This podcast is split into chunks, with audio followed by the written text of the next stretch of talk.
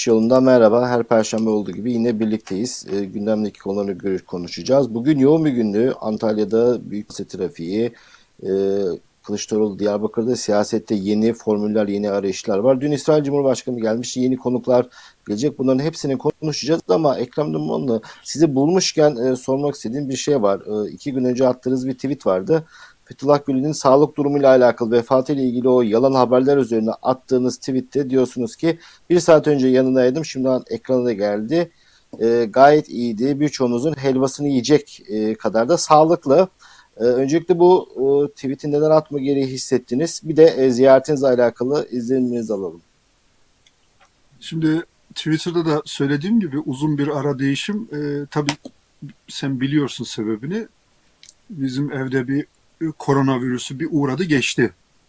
Önce oğlumla oğlum bir sıkıntı yaşadı. Tam onu atlatacakken eşim koronavirüsünden e, maalesef nasipdar oldu diyelim. Öyle olunca çok uzun zaman dediğim dilim odur. E, dışarıya çok çıkamadık, gidemedik, gelemedik. Sonra e, Hoca Efendi'yi işte tam bir uzun bir aradan sonra ziyaret ettim. Ardından ziyaret gayet iyiydi. Ziyarette çok bereketliydi. Kendisi dostlarının da çok iyi bildiği gibi yine dünyada ve özellikle Türkiye'de olan her hadiseyle yakından alakadar. Dostlarını gördüğü zaman gözlerinin içi gülüyor. Düşmanlığa gene iz bırakmıyor. Düşmanlığa çok kapı açmıyor. Ama e, hizmet dendiği zaman akan sular duruyor. O kalp rahatsızlığı, e, şeker hastalığı, öteden beri devam eden hastalıklar bunlar. Kronik Hoca Efendi'nin belki 20 yıldır, 30 yıldır çektiği rahatsızlıklar. Ama e, 80 küsur yaşındaki bir insana göre çok daha enerjik, sağlam, zihni duru, dimağı gayet duru, efendim iradesi gayet yerinde. Ee, hani öyle ben çoğu zaman gördüğümde Allah nazardan saklasın diyorum. Çünkü o yaşa geldiğimizde bizim ne olacağımızı e, yakın bir camiye gidip gidemeyeceğimizi e, ben çok tereddütle karşılıyorum yani o yaşına göre gayet evet. dinamik. Yaşlılıkta bir cami cemaati olmak gibi bir e, hayaliniz, düşünceniz mi var? Ha genel ortalama insanların kafasında Anadolu'da böyle bir şey vardır da hani böyle emekli olacak insanlar. Bizim için böyle bir şey yok. Hani ben orayı çağrıştırsın diye söyledim. En azından yakın camiye gidip gelme gibi bir emel, bir düşünce, bir ideal vardır e, bizim Anadolu insanında. Ben onun çok ötesinde Dimağı gayet yerinde, dimağı çok berrak. Gelen gideni 20 sene önce gördüğü, 30 sene önce, gördüğü insanları tanıyor, hatırlıyor, soruyor, soruşturuyor. Oğlunu soruyor, kızını soruyor. Onlar ne oldu, bunlar ne oldu? E, biraz şeyden bahsetti. E, Yusuf Pekmezci'ye yapılan zulümden bahsetti. Yani o o vesileyle e, orada beraber yanında bulunan arkadaşlar Yahya Hoca'yı yad ettiler. Çok önemli bir şey. Hatta yani anlatılır mı bilmiyorum orada bir enteresan bir şey anlattılar. Mustafa Birlik'le ilgili bir Allah rahmet etsin Bediüzzaman talebesi Mustafa Birlik'le ilgili bir rüya ve Yahya Hoca hani bu biliyorsun e, Rizeli e, hocaların hocası diye yad edilen Yahya Hoca'yı rüyasında görüyor. O, gülerek, tebessüm ederek hesabın bu kadar kolay olacağını sanmıyordum diyor. Allah hepimizin hesabını kolay eylesin. Rüya ile amel edilmez ama Rüyayı da yok sayılmaz. Rüyanın da bir yeri var. Yeri olduğunu Kur'an'da ve sünnette de görüyoruz. Yani benim diyeceğim şey şu. Bu kadar yaşta, bu kadar dinamik bir insanı, bu kadar iyi bir insanı, güzel bir insanı, bir fikir adamını, bir düşünce kadir edilmiş bir insan olarak görüyorum Levent Bey. Yani bunu bu vesileyle söylemeden edemeyeceğim. Çok büyük bir vefasızlıkla karşı karşıyayız. Çok büyük bir vefasızlıkla. En uzak daireden hani yakın dairelere kadar tek tük de olsa böyle bir vefasızlık silsilesi iç içe girmiş bir vefasızlık halkası görüyorum diyeceğim mecburen. Ee, ben o vefasızlık halkasında olmamak için arada bir ziyaret ediyorum. Tam da ona denk gelmiş. Çıktım yer yerinden oynamış. Efendim güya bir tane siteyi hacklemişler. Hizmetle, hizmet hareketiyle irtibatlı olan bir siteyi hacklemişler. Oradan bir taziye yayınlamışlar. Birçok insan da balıklama bunun üzerine atlamış eleştiriler, yorumlar vesaireler. Ya olayın şahitlerinden birisi benim. Ben de oturdum. Arkadaşlar da bana mesaj atınca çok böyle dört bir yandan hatta ünlü bir gazeteci arayıp da ya bu, bu işin haberi var mı diye bu, işle ilgili bir bilgin var mı diye sorunca Dedim ki o zaman e, arkadaşlara ya bir şey yok az önce bir saat oldu. Yanım, yanımdan ayrılalı bir saat oldu. Bu dedikodu 5-6 saattir devam ediyormuş.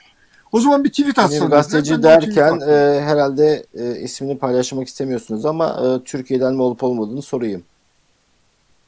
İsmini paylaşmak istemiyorum. Çünkü biz e, ismini paylaştığımız insanların başına ne gelecek bilemiyoruz. Ama şu an Türkiye'de olmayan bir dönemin ünlü, çok ünlü bir gazetecisi. Ünlü bir gazeteci arkadaşımız. Türkiye'den de biliyorum e, yani can atıp da ya arasak sorsak diyecek çok e, sayıda meslektaşımızın olduğunu, önemli meslektaşımızın olduğunu biliyorum ama insanları da kınamıyorum korkularından. Bir de bilgi eksikliğinden yani sana nasıl ulaşacaksın, ona nasıl ulaşacaksın. Bunlar e, sorunlu şeyler. Sonra o mesaj attım. Dedim ki yani bu yaşta bu kadar sağlıklı dimağı, efendim kalbi, ruhu, efendim e, açık bir insana bu kadar sürekli ikide bir ölüm haberi yayınlamak. Hani Levent Bey bir olaydan bir olayla bazen tepkileri de gördüm Twitter'da. Saçmalamanın da bir anlamı yok yani. Ee, insanlar işte hiç ölmeyecek. Ya kardeşim konu o değil. Her insan vefat eder. Her insan doğar, büyür ve ölür. Tabii ki her insan vefat edecek ama ortada olmayan bir vefatla 2-3 ayda bir dedikodu üretmek, 2-3 ayda bir yalan haber üretmek ve bazı pisliklerin üzerine örtmeye çalışmak e buna isyan etmek lazım. O yüzden dedim ki çoğunuzun helvasını yiyecek kadar dinç, helvasını yiyecek kadar sağlam. Siz düşünün bunu artık size dert olsun demek istedim şöyle hani bazı trollerin, bazı kesimlerin e, hakaretlerini ya da neler yazacaklarını tahmin etmek e, tahmin edilebilir ama gazetecilerin özellikle Türkiye'de muhalif olarak bilinen gazetecilerin yaptığı yorumlar işte canlı yayında haber geldi bu şekilde paylaşırken kullandığı ifadeler e, medyada büyük bir kalitesizliğin olduğu işte bilgiyi çek etme, doğrulama, teyit etme ile alakalı o e, kadim sorunun devam ettiğini gösteriyor. E, buradan Hoca Efendi'ye e, uzun ömürler, sağlıklar dileyelim. Böyle sizin izlenimlerinizi de almış olduk. Yine e, bu tür ziyaretleriniz olursa bizlerle paylaşmanızı rica edeceğiz.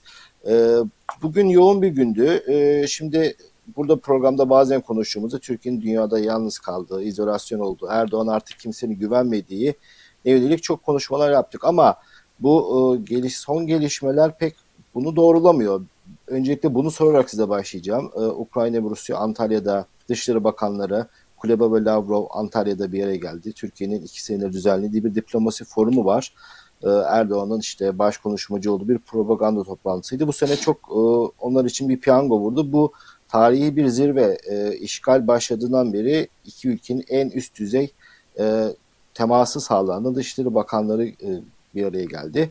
E, ziyare, zirveden bir şey çıkmadı. Her iki tarafta bir ilerleme kaydedilemediğini e, söylediler. Yani sadece e, görüşmüş oldular ama ben esas Türkiye ilgilendiren kısmıyla sormak istiyorum. E, kimileri diyor ki Rusya'nın e, bu toplantı Türkiye'de olmasını çok arzu ediyor. Çünkü bir NATO ülkesinin bu işlere dahil olması, işte Rusya ile yakınlığı, Truva atı, hüviyeti devam ediyor. O yüzden Türkiye'de olmasını tercihleri var. Ee, Türkiye Rusya'yı kızdırmamaya çalışıyor ama görülüyor ki Ukrayna'da Türkiye gelmeyi kabul ettiğine göre Türkiye'nin pozisyonuyla alakalı ilkesel bir sıkıntıları yok.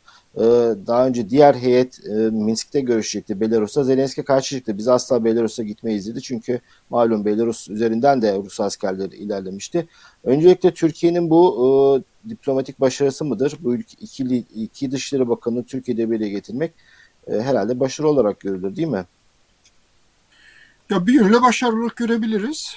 Fakat diğer bir yönüyle de zaten çok fazla bir seçenek ortada gözükmüyor Levent Bey. Yani nerede buluşacaklar? Bir Rusya'nın doğrudan gücünde olan ülkeler var. Uçarak, uçarak gideceği yer yok diyorsunuz belki. E, öyle yani biraz da e, şartlar da onu zorluyor. Yani e, Ukrayna tarafı Rus işgali olarak nitelediği işgal hareketini e, bir takım ya böyle Rusya'ya yardım eden ülkeler olarak bazılarını görüyor ve orada buluşmak, orada görüşmek, onları araya sokmak istemiyor. Biraz önce senin de ifade ettiğin gibi. E, onun dışında Batı ülkelerinin aldığı çok sert tedbirler var. Çok sert tedbirler. Yani işte daha bugün e, Chelsea'nin de aynı zamanda sahibi olan, İngiltere'deki Chelsea futbol takımında sahibi olan Abramovich'in e, malları donduruldu, el konuldu. E, Rus oligarkları diye e, anılan insanların mallarına, mülklerine İngiltere'de, Almanya'da, Fransa'da, İtalya'da el konuyor, Amerika'da el konuyor. Yani masada çok da seçenek yok. Hem Ukrayna'nın e olabilir. Yani Türkiye ile bir sıkıntımız yok. Türkiye'de de doğrudan bir sıkıntıları yok. Rusya'nın da Türkiye karşımızda olacağını hiç olmasa yanımızda olsun düşüncesiyle uygun görebileceği yani başka bir ülke aklına gelebiliyor mu? Nerede yapılabilir yani? Biraz şartların da zorlaştırmasıyla yapılan bir toplantı. Ha buradan bir şey çıkmadı. Zaten bir şey çıkması da herhalde çok beklenmiyordu. Yani hatta e, bazı dedikodulara göre, kulis bilgilerine göre arada seslerin yükseldiği, e, efendim atışmalar olduğu, e, gergin bir toplantı yapıldığı söyleniyor.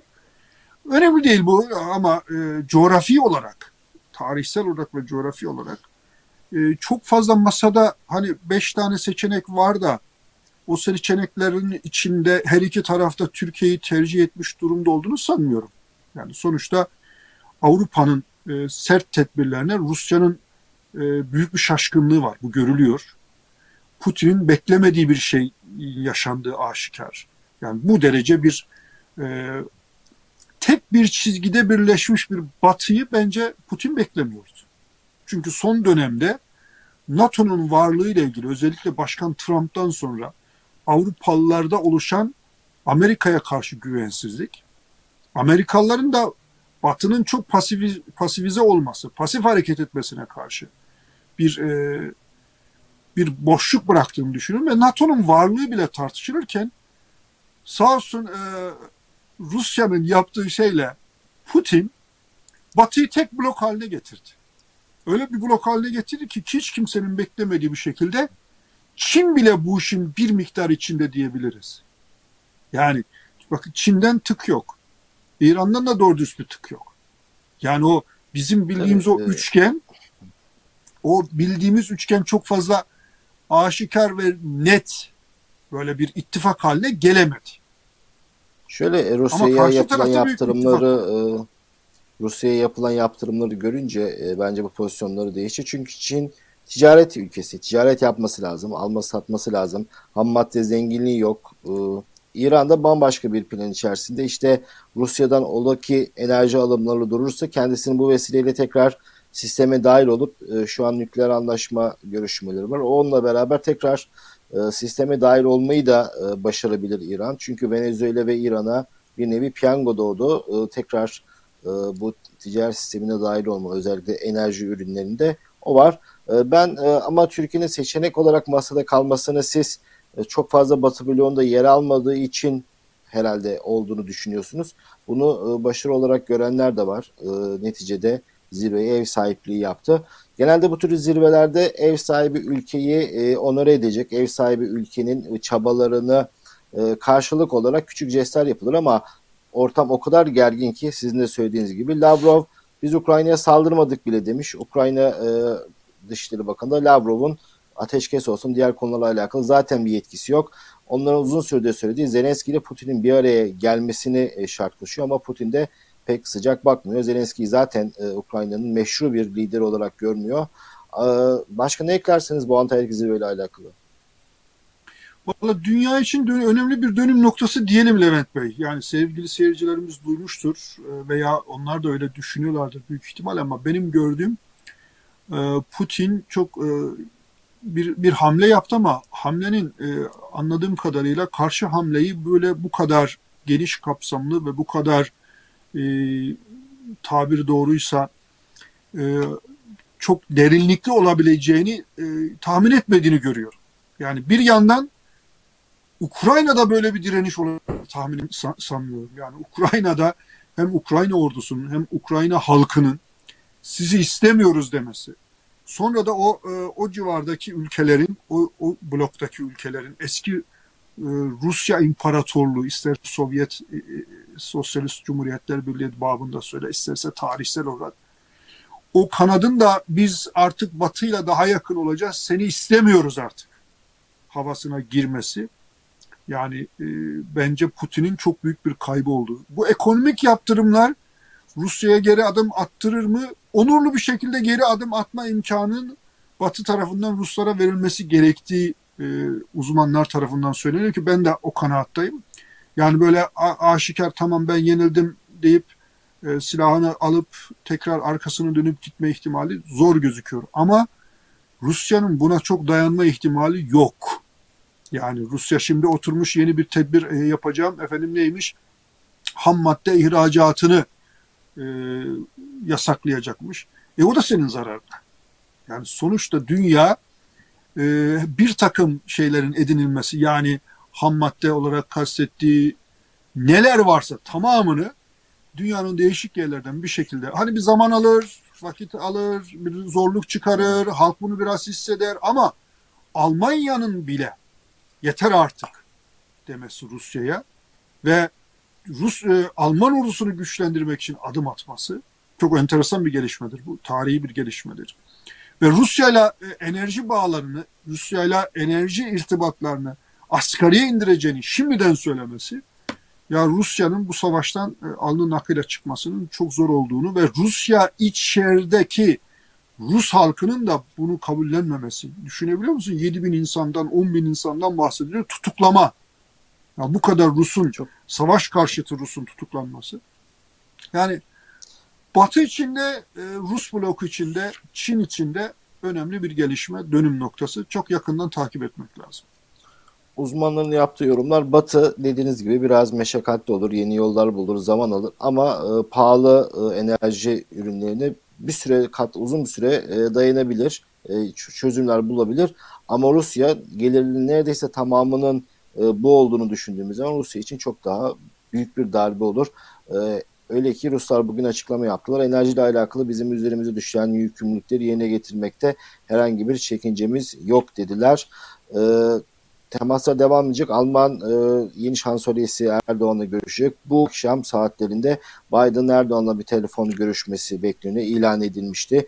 Yunanistan Başbakanı görüşecek Erdoğan. Türkiye e, aktif olarak bu işin içerisinde her ne kadar işe yarıyor, ne kadar ciddi alınıyor. Onunla alakalı e, yorumlar her zaman yapılabilir. Çok büyük bir katkısının olduğu söylenmemekle beraber yine bu trafiklerin içerisinde her iki tarafı da idare etme e, siyasetinin bir geri olarak Şimdi e, yeni bir gelişme yaşandı. Dün İsrail Cumhurbaşkanı Ankara'yı ziyaret ederek uzun bir süreden beri bozuk olan ilişkilerle yeni bir döneme geçildi. Ee, Erdoğan İsrail için söylenmedik laflar bırakmamıştı. İzleyicilerimizin e, hafızalarını terör devletinden tutun da e, çocuk katili birçok şey söylemişti ve e, kendi tabanını da e, bu noktada çok fazla da motive etmişti.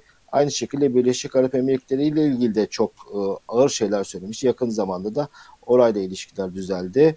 E, bir geri dönüş var herhalde dünyada yalnız kalma izolasyon e, bir süre önce yaşanan ve Türkiye'de ekonominin de çok kötü gitmesi. E, herhalde Türkiye'de işler yolunda gitse, Türkiye'de her şey yolunda olsa bu e, U dönüşleri herhalde yaşanmayacaktı diye düşünebiliriz. Siz e, bu geri adımları biraz ekonomiyle yorumlayanlar var. Onlara katılanlardan mısınız?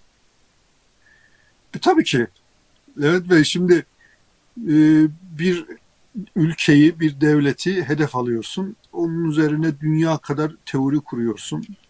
Birleşik Arap Emirlikleri'nde olduğu gibi. Hatta Mısır'da olduğu gibi.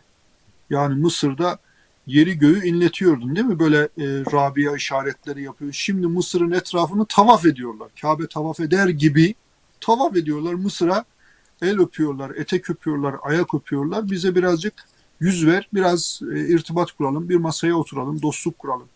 Birleşik Arap Emirlikleri'ni 15 Temmuz darbe girişiminin hamisi ve aynı zamanda e, finansörü ilan etmişlerdi. Şerefsizler diye başlıklar atmışlardı. Evet. E, ülkenin İçişleri Bakanı, Dışişleri Bakanı Birleşik Arap Emirlikleri'ne e, söylenmedik söz bırakmamışlardı. Şimdi tek sebep var ya hiçbir şeye gerek yok. Para, para, para. Hani Napolyon'un sözünü e, naklederler ya para, para, para. Şimdi kardeşim Dün hain dedik devletlere. Bugün ele tek el, el avuç açıyorsan, e, yani hazineyi iflas ettirmeyecektin, çökertmeyecektin, batırmayacaktın, bitirmeyecektin. Şimdi ama işin doğrusu şunu konuşalım. Erdoğan'ın bu tür söylemler, yani siyasal İslam'ın genel karakterinde var. Bunu böyle bilelim. İsrail düşmanlığı üzerine kurduğu retorik tamamen iç kamuoyunda kendine destek sağlanmasını e, e, ifade eden bir şeydi, bir retorikti. Yani normalde ta geriye ta başa dönecek olursanız e, İsrail lobilerinden cesaret ödülü alırken de Erdoğan bu Erdoğan'dı. Sonra kendi tabanını şey yapmak için, e, safları sıklaştırmak için bir İsrail düşmanlığı söylemi geliştirdi. Şimdi İsrail Devlet Başkanı'nın İsrail yetkililerin Türkiye'ye gelip Türkiye'yi ziyaret etmesi ne ilktir Levent Bey ne sondur. Yani kimse şunu sormuyor. Niye böyle bir görüşme yapıyorsun? Ya bunu kimsenin soracağınsa esas önemli olan şey şu. Neden iki yüzlü davranıyorsun? Ama ben sana bir şey söyleyeyim. Bunun altyapısını anlamak için İzzet Hoca'nın attığı tweetlere de bakmak lazım. İzzet Özgenç'in İzzet Özgenç ya Profesör e, Doktor İzzet Özgenç aynı zamanda Erdoğan'ın avukatlığını yapmış. Aynı zamanda bugünkü Türk Ceza Kanunu'nun temel maddelerini, temel meselesini kaleme almış. Erdoğan'ın bir numaralı hukukçusu. Daha birkaç hafta önce hatırlarsan Mavi Marmara meselesinin hatırlıyor musun attığı tweet'i? Mavi Marmara meselesinin aslında Türkiye'deki İslamcıların hasını, gazını almak için yapılmış planlı bir şey eylem olduğunu söyledi. Bu çok bu çok korkunç ve muazzam bir itiraftı. Onunla belki Ahmet Davutoğlu'nu suçlamaya e, hedefledi İzzet Hoca bilemiyorum. Fakat Ahmet Davutoğlu tarafından da dediler ki ya bu Mavi Marmara olduğu süre içerisinde Davutoğlu başbakan değildi. O da doğru herhalde. O başbakan değildi ama Dışişleri Bakanıydı yan, yanılmıyorsam, işte yanlış hatırlamıyorsam. Ve Mavi Marmara'nın arkasından itici güçlerden birisi de Davutoğlu'ydu. Mavi Marmara'yı davulla, zurnayla gönderen bir ekip vardı. Bunların içinde bir, Ahmet Davutoğlu vardı. iki Tayyip Erdoğan vardı. Üç Hakan Fidan vardı. Levent Beyciğim biliyorsun sen yani e, o günkü insan hakları e, neydi e, e, şeyin Bülent Yıldırım. Ya. Bülent Yıldırım İHA oraya İHA, Bülent Yıldırım Bey'i ziyarete giden Zaman Gazetesi yazarlarına geçmiş olsun diye. E, çünkü orada insanlar hayatlarını kaybettiler. İsrail ordusu ilk defa sivil Türkiye Cumhuriyeti vatandaşlarını vurdu. Oraya geçmiş olsuna gittikleri zaman e, başkanın söylediği şey çok net. Orada üç tane, dört tane Zaman Gazetesi yazarı ve başka yazarlar var. Siz bunu bizim kendi başımıza yaptığımızı mı düşünüyorsunuz? Her saniyesini Hakan Fidan'la paylaştık diyor. Ya, mitin organize etti. Erdoğan'dan habersiz mitin böyle bir organizasyon yapması mümkün müydü? Gazze'ye gideceğiz. Şimdi, e, Ekrem diye yani şu pozisyonda düşmeyelim. Ee, e, tamam Mavi Marmara'yı yollamaları bir sürü siyasi hesap vesaire olur ama e, sivil insanları askerlerle basıp komandolarla basıp öldüren bir devlet de var. Yani tamam e, bunlar bir sürü hani siyasal İslam cehilliğinin peşinde koşmuş olabilirler de karşı tarafta sivil bir gemi askeri operasyon düzenledi. Tabii ki yani bir yani olayları bir bütün haline değerlendirmek lazım. Bir tarafta yürüyün aslanlarım diye onları e, arkalarından iten bir siyasi irade var. Bir devlet zırhına bürün, bürünmüş bir irade var. Bunun söylemini kendi halkını veya kendi taraftarını motive edecek bir siyasetçi var. Öbür tarafta da silah elinde silahı olmayan insanları, sivil insanları öldüren bir devletin silahlı güçleri var. Yani bunu birbirinden ayırmak lazım. Burada Erdoğan'ın hatta hatırlarsan o zaman Fethullah Gülen Hoca Efendi'nin bir uyarısı oldu. Dedi ki ya madem bir topra e, bir ülkenin topraklarına, sınırlarına gide gidiyorsunuz, silahsız bile gidilse orada o devletten izin almak lazım deyince Erdoğan bunun üzerinde yıllarca tepindi. O devlet kim? Biz İsrail'e mi bağlıyız?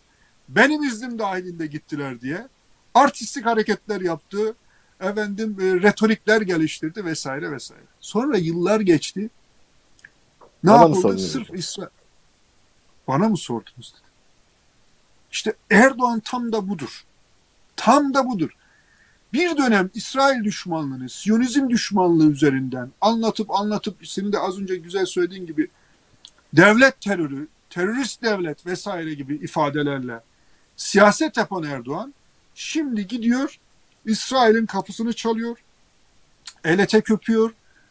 Efendim gelin bizi ziyaret edin. Biz gelelim sizi ziyaret edelim diyor. E, efendim büyük elçilikleri tekrar açalım diyor. Şunu yapalım bunu yapalım.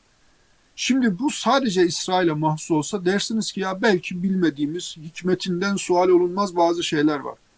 Ben de diyorum ki aynı şeyi Birleşik Arap Emirlikleri'ne zaten yapmadım. Şimdi Mısır'a yapmıyor mu Levent Bey? Bak Mısır'da da şimdi bugün e, İsrail'e atlamadan söylüyorum. Hamas açıklama yapmış. Gördünüz bilmiyorum. Şimdi Erdoğan'ın iki yüzlü siyaseti burada. Bir taraftan İsrail'e Siyonizm düşmanlığı üzerinden söyleyecek bir sürü şey söylüyorsun ama retorik.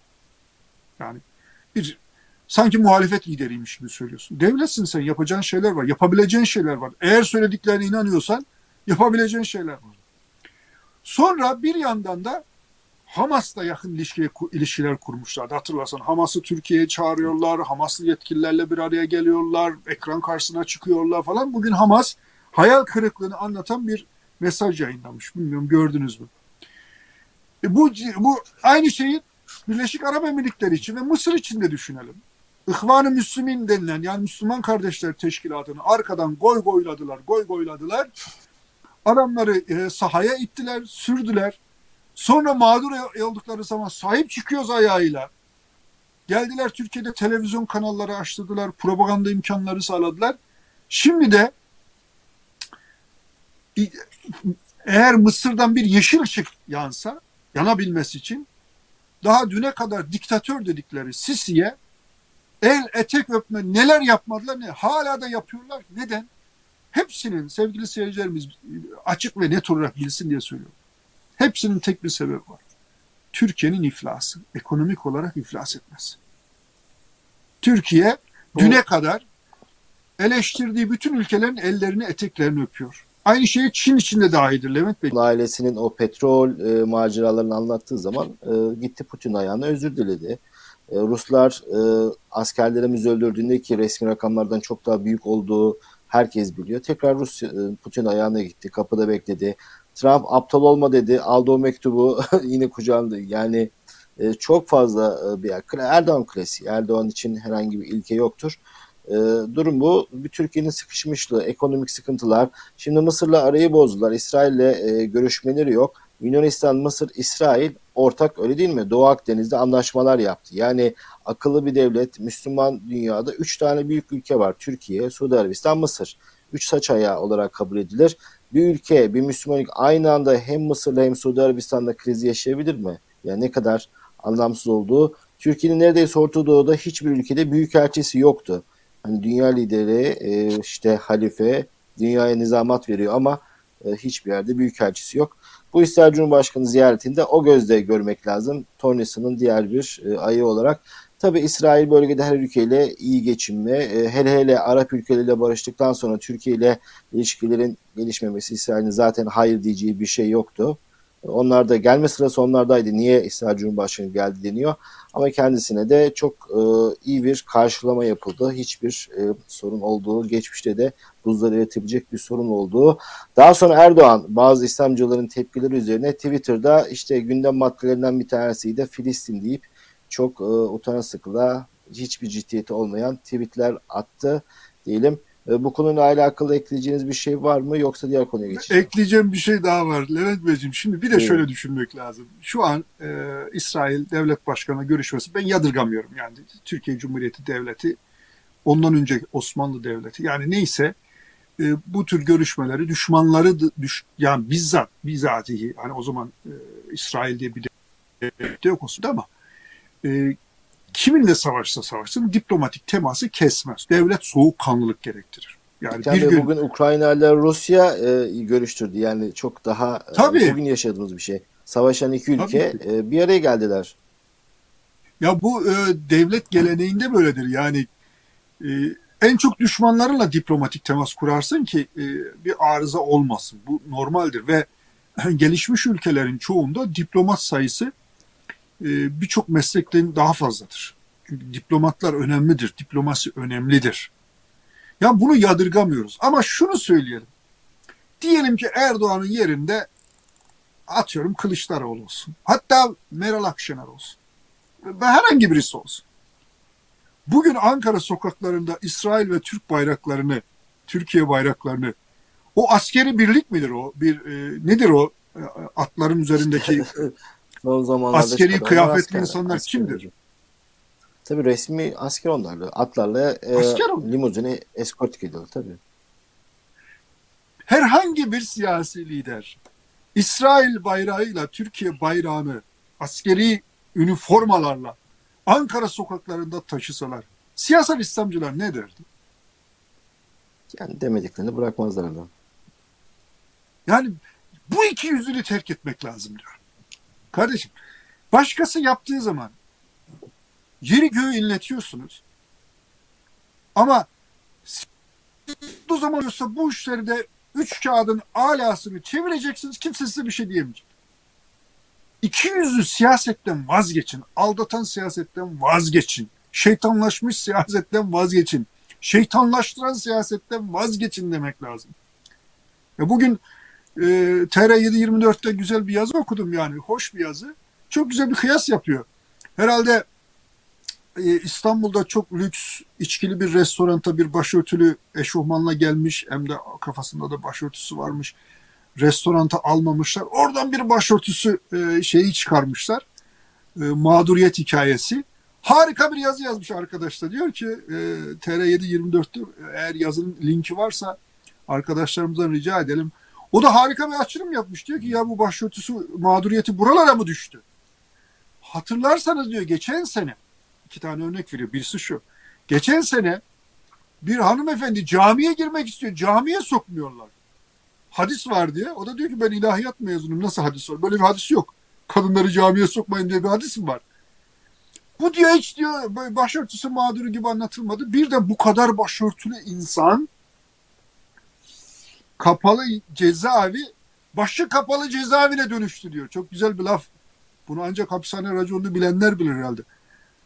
Kapalı cezaevleri vardır. Hani cezaevlerine bir, bir kısmı açıktır. Yani belli cezasını çeken insanlar daha rahat ortamda hapishanede kalırlar. Bir de kapalı cezaevleri var. Diyor ki bu başı kapalı cezaevine döndü Türkiye'deki cezaevleri. Binlerce, on binlerce başı örtülü hanımefendi çocuklarıyla beraber hapishanede çürütülüyor. Evet, yazıyı görmüştür sevgili seyircilerimiz. Evet, yani burada bir iki yüzlülük var. Bunun üzerine e, bunun üzerine ışık tutmak lazım. Erdoğan ben şimdi sabah şeyi görünce sana bir şey hatırla söyleyeyim. Amerika'da bir e, markete gittim. Adamın birisi e, anladı bizim şeyimizi, Müslüman olduğumuzu. Türk olduğumuzu anladı. Bir iki Türkçe kelime söyledi. Sen nereden biliyorsun dedim. Ben dedi Filistinliyim. O zaman dedim Erdoğan'ı seviyorsundur. Hayır nefret ediyorum dedi. Dedim ilk defa böyle bir şeye rastlıyorum. Hayırdır? Ya ben dedi iki çocuğumu Amerika'da büyüttüm. İki çocuğum da üniversite mezunu. Ben çocuk değilim. Kim İsrail'in aleyhine böyle bağıra bağıra konuşuyor ve cebini dolduruyorsa benim İslam dünyasından bildiğim o adamın İsrail, Filistin meselesi yoktur. O adamın cep doldurma meselesi vardır. Sahtekarsın adam dedi. Aynen hemen o aklıma o markette rastladığım Filistinli adam geldi aklıma. Tecrübesi geldi aklıma. Bağıracaksın, çağıracaksın, ceplerini dolduracaksın, saraylarına saray katacaksın, mallarına mal katacaksın. En ilişkilerin kötü olduğu zaman da petrol dağıtacaksın, petrol satacaksın. Ticari ilişkilerde gayet iyi gideceksin. Sonra döneceksin Ekrem gariban o... İslamcılara e... Filistin edebiyatı yapacaksın petrol ilişkisini daha açıkça anlatmak lazım değerli izleyicilerimiz. E, İsrail'le en sorun yaşadığı dönemde Kuzey Irak petrollerinin İsrail'e e, ulaşımını Erdoğan'ın oğlunun gemileriyle gerçekleştiriyorlardı. E, o psikopat büyük olan Burak, o eblek olan değil de e, psikopat olan oğlunun gemileriyle İsrail'e petrol taşıyorlardı. O taşınan petrolün arasında aynı zamanda jet yakıtları da vardı. Hani işte Filistinleri bombalayan uçakların falan yakıtları da Kuzey Irak'tan Erdoğan'ın ailesinin gemileriyle taşınıyordu. Bu da belgeleriyle ispatlanmıştı. Onu da e, dipnot olarak iletmiş olalım. Ekrem Bey e, Kılıçdaroğlu Diyarbakır'da e, gitti. O helalleşme e, serisini sürdürdü. Çok e, sizi dinlemedik. Ankara'dan oturduk konuştuk. Helalleşmeye geldik. Çok hatamız var dedi.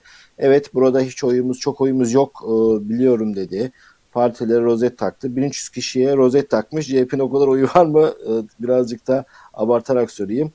Bunlar güzel gelişmeler. Neticede ana muhalefet partisinin e, o, o hiç gitmedikleri yerlere gidip bütün Türkiye'yi kucaklamaya çalışması güzel. E tabi bir pastaya ortak olunca da HDP'den de AKP'den de e, tepkiler geldi. HDP'liler Kılıçdaroğlu'nu yeteri kadar cesur olmamakla, Kürt kelimesini çok fazla ağzına almamakla suçladı. AKP'ler de malum eleştirilerini PKK çizgisinde yaptı. Ee, Bahçeli kendini tutamamış. Twitter'da bir seri yayınladı. O tahmin edebileceğiniz gibi Zillet İttifakı ülkeyi bölme Kürdistan soslu tweetlerinde şunu söyledi. Antalya'daki Rusya-Ukrayna görüşmelerini baltalamak için uluslararası komplonun bir parçası olarak Diyarbakır'a gittiğini söyledi Bahçeli. E, neyse sadece aktarmış gülmek için aktardım. Hani üzerinde çok yorum yapılamaz belki ama e, Kılıçdaroğlu'nun birkaç defa ertelenip bugün e, gerçekleşen Diyarbakır ziyareti bence önemli bir ziyaret. Siz ne dersiniz? Kesinlikle önemli bir ziyaret. Cumhuriyet Halk Partisi içinde de evet, buna şu an arkadaşlarımız da Kılıçdaroğlu'nun cevabını getiriyor. Ekranda görebiliyorsunuz. O emolojiyle bir cevap vermiş. Gerçekten gençlere yönelik bir dalga geçer gibi ee, ben bunu görmemiştim. Şimdi arkadaşlara teşekkür ediyorum. Gerçekten verilebilecek en güzel cevap vermiş e, Kılıçdaroğlu. Çok doğru. Yani şimdi ezber bozmaya çalışıyor Kemal Kılıçdaroğlu. Ve bence bozuyor da. Ezber bozduğu için e, insanların değişik tepkilerine mesela şunu göremiyoruz Levent Bey ama ben yüzde yüz emin olarak söylüyorum. Cumhuriyet Halk Partisi içindeki aşırı ulusalcı kanat da bundan rahatsız oluyor olabilir. Fakat eğer siz Türkiye yönetmeye talipseniz, Türkiye'deki bütün insanları kucaklamaya talipseniz, somut olarak bunu ispat etmek zorundasınız. Bak iki gün önce bir olay yaşanmış. Adını sanını hatırlamıyorum ama retweet ettim. Belki sen de görmüşsündür. Bir e, uzun zamandan beri hapishanede yatan ama sağlık sorunu yaşayan yaşlı bir e, e, insana, hapishanede yatan insana e, sağlık raporları verilmiş. Demişler ki bunu tahliye edin. Şimdi bu hapishanelerde böyle bir dert var. Hastalanan insanların ciddi rahatsızlık yaşayan insanların ve yaşlı insanların serbest bırakılması lazım. Yani illa çok istiyorlarsa e, denetimli serbestlik yapmaları. Şimdi e, bütün işlemler tamam fakat sonra kim hangi aklı evvelin aklına geliyorsa adam gönderiyorlar, müfettiş gönderiyorlar ve adama iki soru soruyorlar. Kürt müsün? İkinci soru Kürt sorunu var mıdır? Adam da diyor ki Kürdüm. Kürt sorunun olduğu 10 yıldır 15 yıldır hapishanede yatan benim varlığım ispatıdır. Adama hapishanede tahliyesini, serbestliğini durduruyorlar. Hapishanede yatmasının devamına karar veriyorlar. Şimdi mesela ben beklerdim ki Kemal Kılıçdaroğlu buna da sahip çıksın. Kardeşim böyle bir şey olabilir mi ya? Suçu ne olursa olsun ne olursa olsun sağlık sorunuyla yüz yüze gelmiş hapishanede ölme ihtimali olan bir insanı sağlık kurulları çıksın diye rapor vermişse sen e, efendim gideceksin iki soru soracaksın. Kürt müsün? Kürdüm dediği için. Kürt sorunu var mıdır dediğinde vardır dediği için adamın infazını yakacaksın. Böyle bir adalet olabilir mi? Buna da sahip çıksın isterim. Yani neden söylüyorum? işin retorikten çıkması lazım. İşin diyalektikten çıkması lazım. İşin söylemden uzaklaşması lazım. Samimiyet testinden geçmesi lazım. Ama bizim ülkemizde şöyle bir durum var. Kürt sorunu dediği zaman HDP orayı sanki hegemonya altına almış. Biz, bu bizim meselemiz. Bunu kimse konuşmamalı. Ve o zaman bu biraz tadı kaçıyor bu olayların. Veya efendim diğer partilerin sahiplendiği bazı meseleler var. Herkesin sahiplendiği bir alan var. O alana öbürleri giremez gibi oluyor. Bence Diyarbakır'a gitmesi Cumhuriyet Halk Partisi liderinin sadece Cumhuriyet Halk Partisi lideri değil.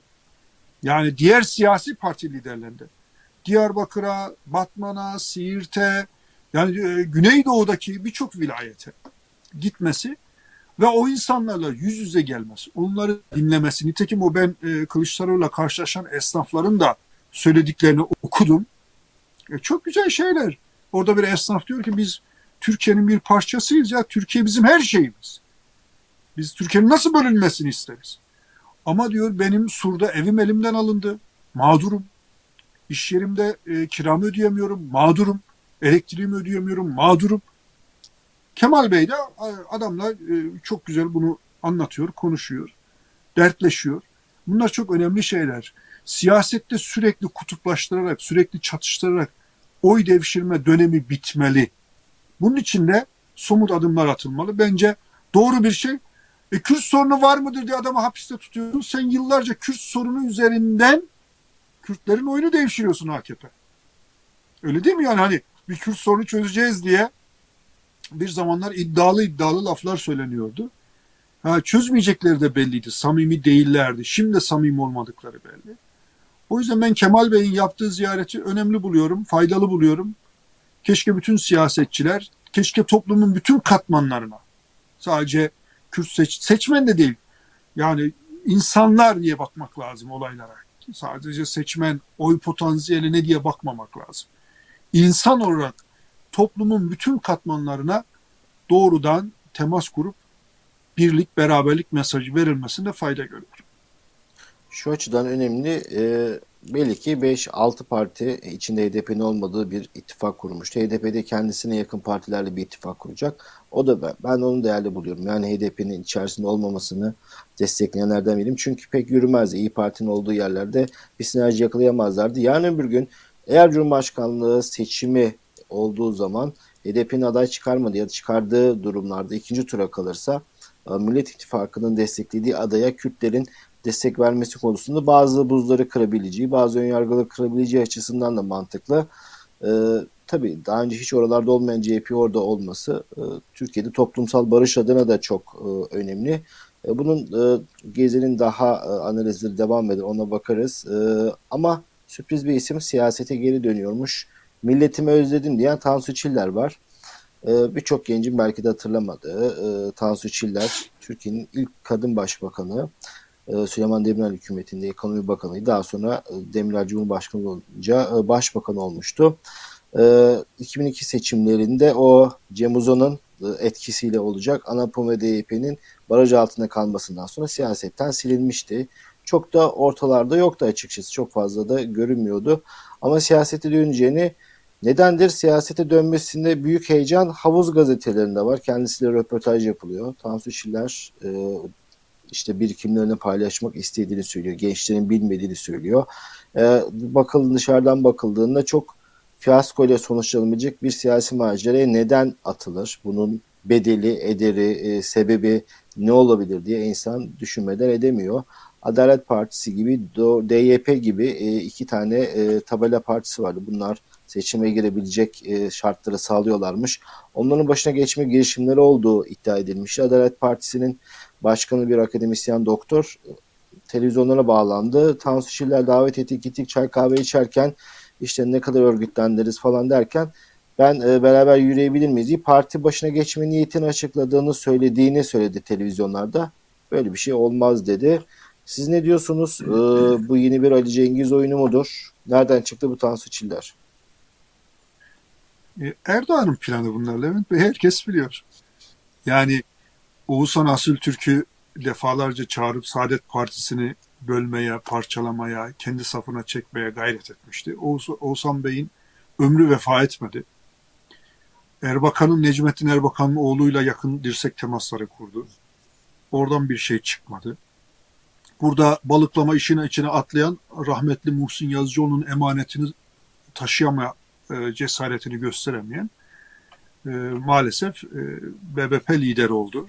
Ona da e, aşağıdan Muhsin Bey'in sağlam ekibi biz Muhsin Başkan'dan böyle öğrenmedik, böyle görmedik diyerek e, yanından ayrılmakla, partiden ayrılmakla cezasını kestiler. Ama balıklama atlamış oldu. Normalde balıklama atlamayan ama e, bir türlü de e, yaptığı hani şeyi karşıdaki bloku çözebilmek için yaptığı hamleler doğru çıkmamıştı.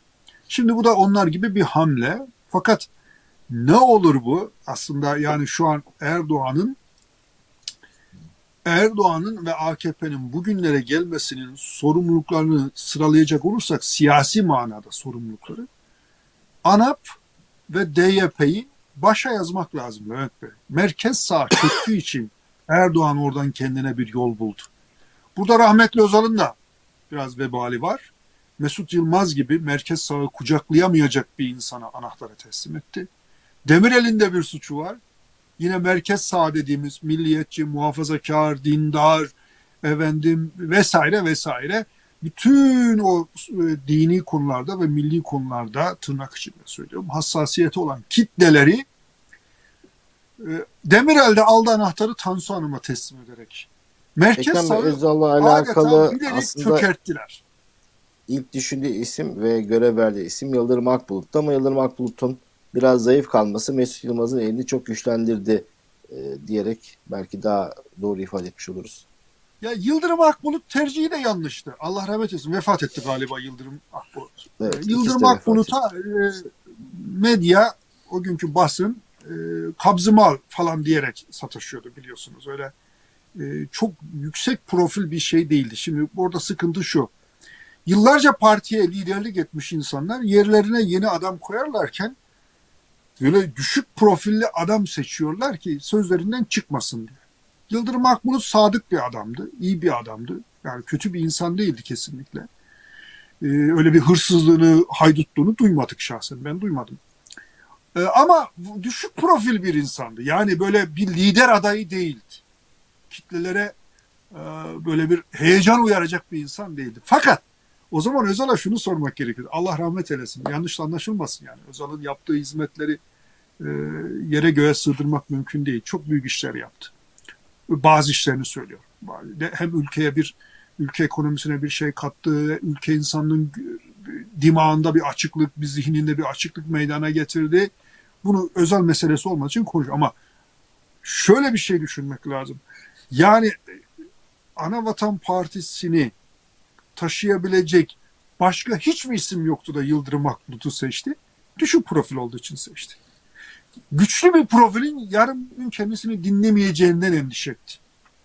Yıldırım Akbulut'u da basın çok dinle dolayınca e, o günkü Yıldırım Akbulut fıkralarını hatırla. Bir sürü fıkra icat edildi. Ne kadar Karadeniz fıkrası varsa hepsi Yıldırım Akbulut'a uyarlandı.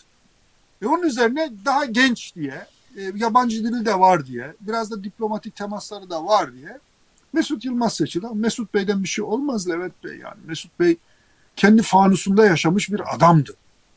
Kendi fanusunda yaşamış. Nitekim partiyi genişletmedi, partiyi daralttı. Tansu Hanım hiç halkla beraber olmuş. Milletimi özledim diyor da millet seni özlemedi. yani Millet ben milletimi özledim ki. diyorsun da ya sen milleti ne kadar tanıyorsun ki? Bak sana bir hadise anlatayım.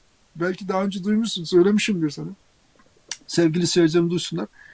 Bu 2001 seçimlerinde, şey 2002 seçimlerinde yani AK Parti'nin tek başına iktidara geldiği, iki büyük partinin de barajın altında kaldığı ve e, Cem Uzan'ın çok ciddi oy alıp ama barajı aşamadığı için merkez sağın darman duman olduğu seçimden önce liderleri geziyoruz. Liderleri. Tansu Hanım'ı da İstanbul'daki yalısında röportaj yapmaya gittik. Birkaç arkadaş. Birisi de Mustafa Ünal kulakları çınlasın.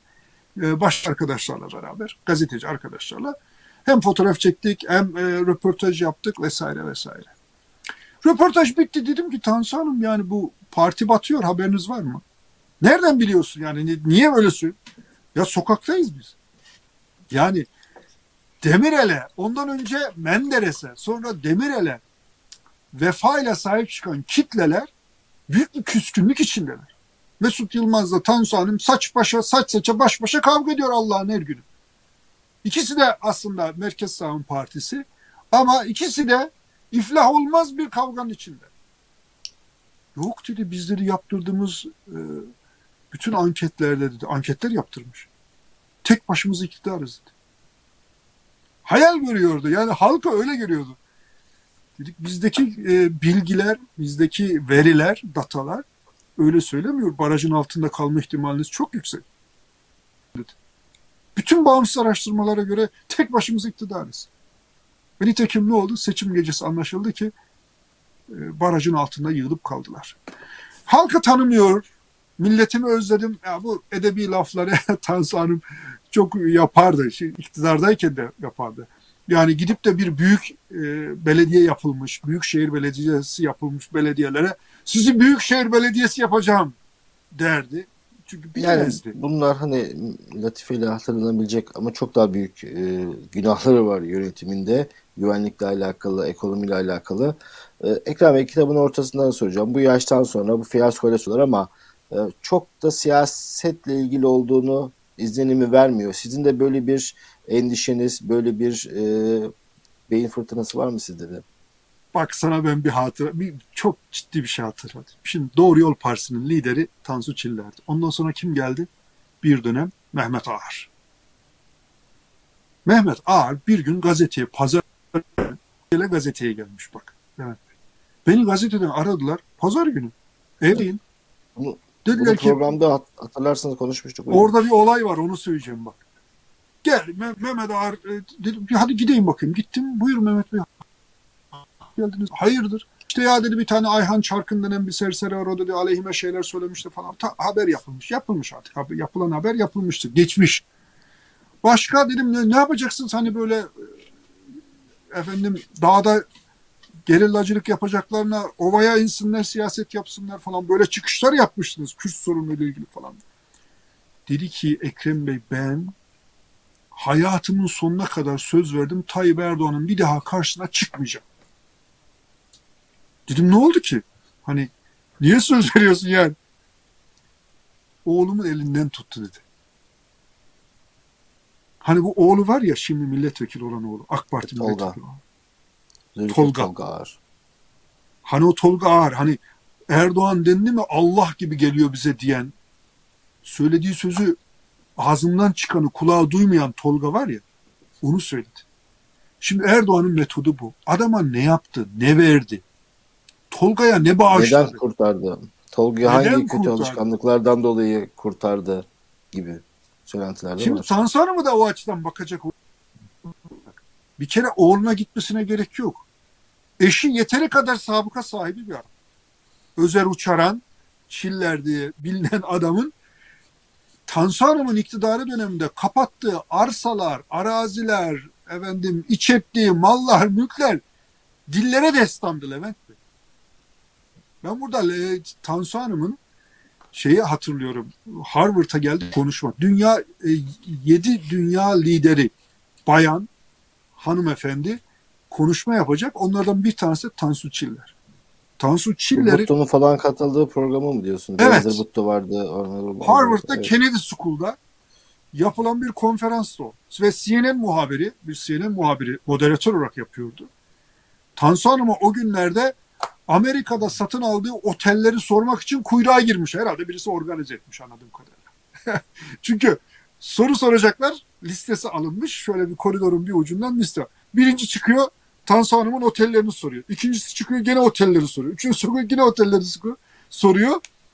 Sonra o gün e, Hürriyet'te çalışan veya Sabah'ta çalışan Savaş Suzal ve e, ekibiyle beraber oturup konuşuyorlar. Bizi de Türk olduğumuzu anladılar ama bilmiyorlar, tanımıyorlar. Nasıl organize ettik diyorlar. Tansu'yu nasıl hallettik, nasıl mahvettik? Şimdi o kadar defosu var ki bir uluslararası e, toplantıda Harvard gibi, Kennedy School gibi muteber bir yerde bir toplantı yapılacağı zaman 5 dakikada delik deşik edilebilecek bir insanı Erdoğan oğlundan da yakalar, kızımdan da yakalar, kendinden de yakalar, yalısından da yakalar, ne bileyim apartmanından da yakalar, otelinden de yakalar.